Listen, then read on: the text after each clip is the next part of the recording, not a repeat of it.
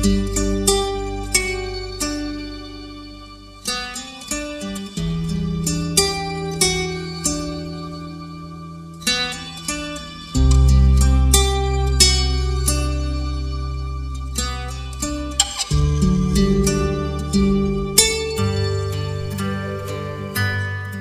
adik-adik yang terkasih dalam kasih Tuhan Yesus. Apa kabar hari ini? Semoga adik-adik selalu sehat, sukacita, dan semangat untuk mendengarkan renungan firman Tuhan setiap hari. Adik-adik, sebelum membaca Alkitab bersama-sama, mari kita berdoa. Puji syukur kepadamu ya Tuhan Yesus, saat ini kami siap untuk merenungkan firman-Mu. Biarlah Tuhan yang berbicara kepada kami, supaya kami mengerti firman-Mu dan melakukan dalam kehidupan kami setiap hari. Dalam nama Tuhan Yesus, amin. Yuk kita sama-sama buka Alkitab kita. Kita akan baca kitab Kisah Para Rasul pasal 9 ayat 1 sampai 18. Kisah Para Rasul pasal 9 ayat 1 sampai 18. Demikian firman Tuhan.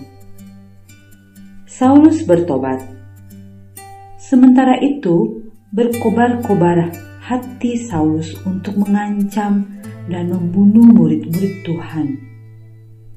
Ia menghadap imam besar dan meminta surat kuasa daripadanya untuk dibawa kepada majelis-majelis Yahudi di Damsyik, supaya jika ia menemukan laki-laki atau perempuan yang mengikuti jalan Tuhan, ia menangkap mereka dan membawa mereka ke Yerusalem. Dalam perjalanannya ke Damsyik, ketika ia sudah dekat kota itu, tiba-tiba cahaya memancar dari langit mengelilingi dia ia rebah ke tanah, dan kedengaranlah olehnya suatu suara yang berkata kepadanya, Saulus, Saulus, mengapakah engkau menganiaya aku? Jawab Saulus, Siapakah engkau Tuhan? Katanya, Akulah Yesus yang kau aniaya itu. Tetapi bangunlah dan pergilah ke dalam kota. Di sana akan dikatakan kepadamu apa yang harus kau perbuat. Maka termangu-mangulah teman-temannya seperjalanan. Karena mereka memang mendengar suara itu, tetapi tidak melihat seorang juga pun. Saulus bangun dan berdiri, lalu membuka matanya tetapi ia tidak dapat melihat apa-apa. Mereka harus menuntun dia masuk ke Damsyik. Tiga hari lamanya ia tidak dapat melihat, dan tiga hari lamanya ia tidak makan dan minum. Di Damsyik ada seorang murid Tuhan bernama Ananias. Firman Tuhan kepadanya dalam suatu penglihatan Ananias, jawabnya, ini aku Tuhan, firman Tuhan. Mari, pergilah ke jalan yang bernama Jalan Lurus dan carilah di, di rumah Yudas seorang dari Tarsus yang bernama Saulus. Ia sekarang berdoa. Dan dalam suatu penglihatan, ia melihat bahwa seorang yang bernama Ananias masuk ke dalam dan menumpangkan tangannya ke atasnya, supaya ia dapat melihat lagi.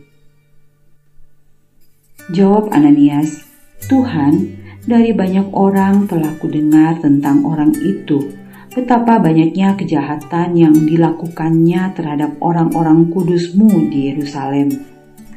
Dan ia datang kemari dengan kuasa penuh dari imam-imam kepala untuk menangkap semua orang yang memanggil namamu. Tetapi firman Tuhan kepadanya, Pergilah, sebab orang ini adalah alat pilihan bagiku untuk memberitakan namaku kepada bangsa-bangsa lain serta raja-raja dan orang-orang Israel. Aku sendiri akan menunjukkan kepadanya betapa banyak penderitaan yang harus ia tanggung oleh karena namaku. Lalu pergilah Ananias ke situ dan masuk ke rumah itu. Ia menumpangkan tangannya ke atas Saulus, katanya, Saulus saudaraku, Tuhan Yesus yang telah menampakkan diri kepadamu di jalan yang engkau lalui, telah menyuruh aku kepadamu supaya engkau dapat melihat lagi dan penuh dengan roh kudus. Dan seketika itu juga seolah-olah selaput gugur dari matanya, sehingga ia dapat melihat lagi. Ia bangun lalu dibaptis. Adik-adik, tema renungan kita hari ini Saulus, alat pilihan Allah. Dan ayat pokok kita terdapat dalam kisah para rasul pasal 9 ayat 15. Kisah para rasul pasal 9 ayat 15 demikian firman Tuhan.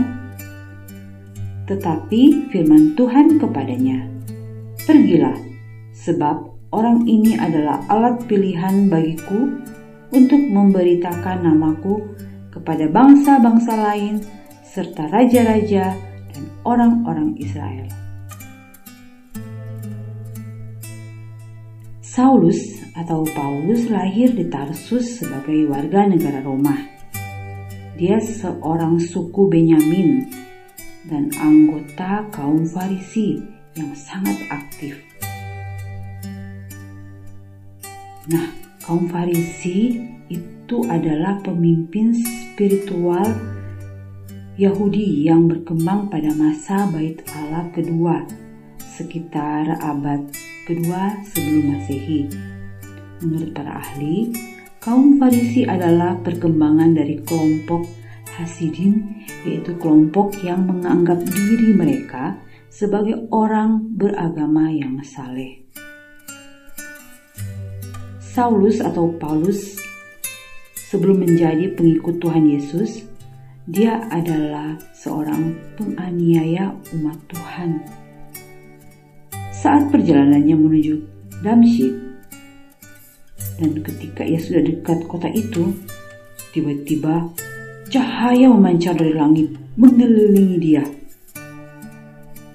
Ia rebah ke tanah dan kedengaranlah suara olehnya suatu suara yang berkata kepadanya, Saulus, Saulus, mengapa engkau menganiaya aku? Adik-adik, Tahukah itu suara siapa? Suara itu adalah suara Tuhan Yesus. Saulus dan orang-orang yang bersamanya mendengar suara Tuhan Yesus walaupun tidak melihat apa pun. Setelah itu, Saulus bangun dan berdiri, lalu membuka matanya, tetapi ia tidak dapat melihat apa-apa. Mereka menuntun dia masuk ke Damsyik.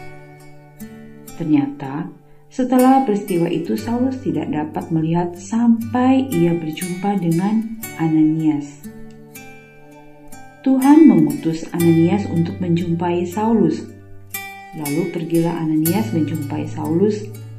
Ia menumpangkan tangannya ke atas Saulus katanya, Saulus saudaraku, Tuhan Yesus yang telah menampakkan diri kepadamu di jalan yang engkau lalui telah menyuruh aku kepadamu, supaya engkau dapat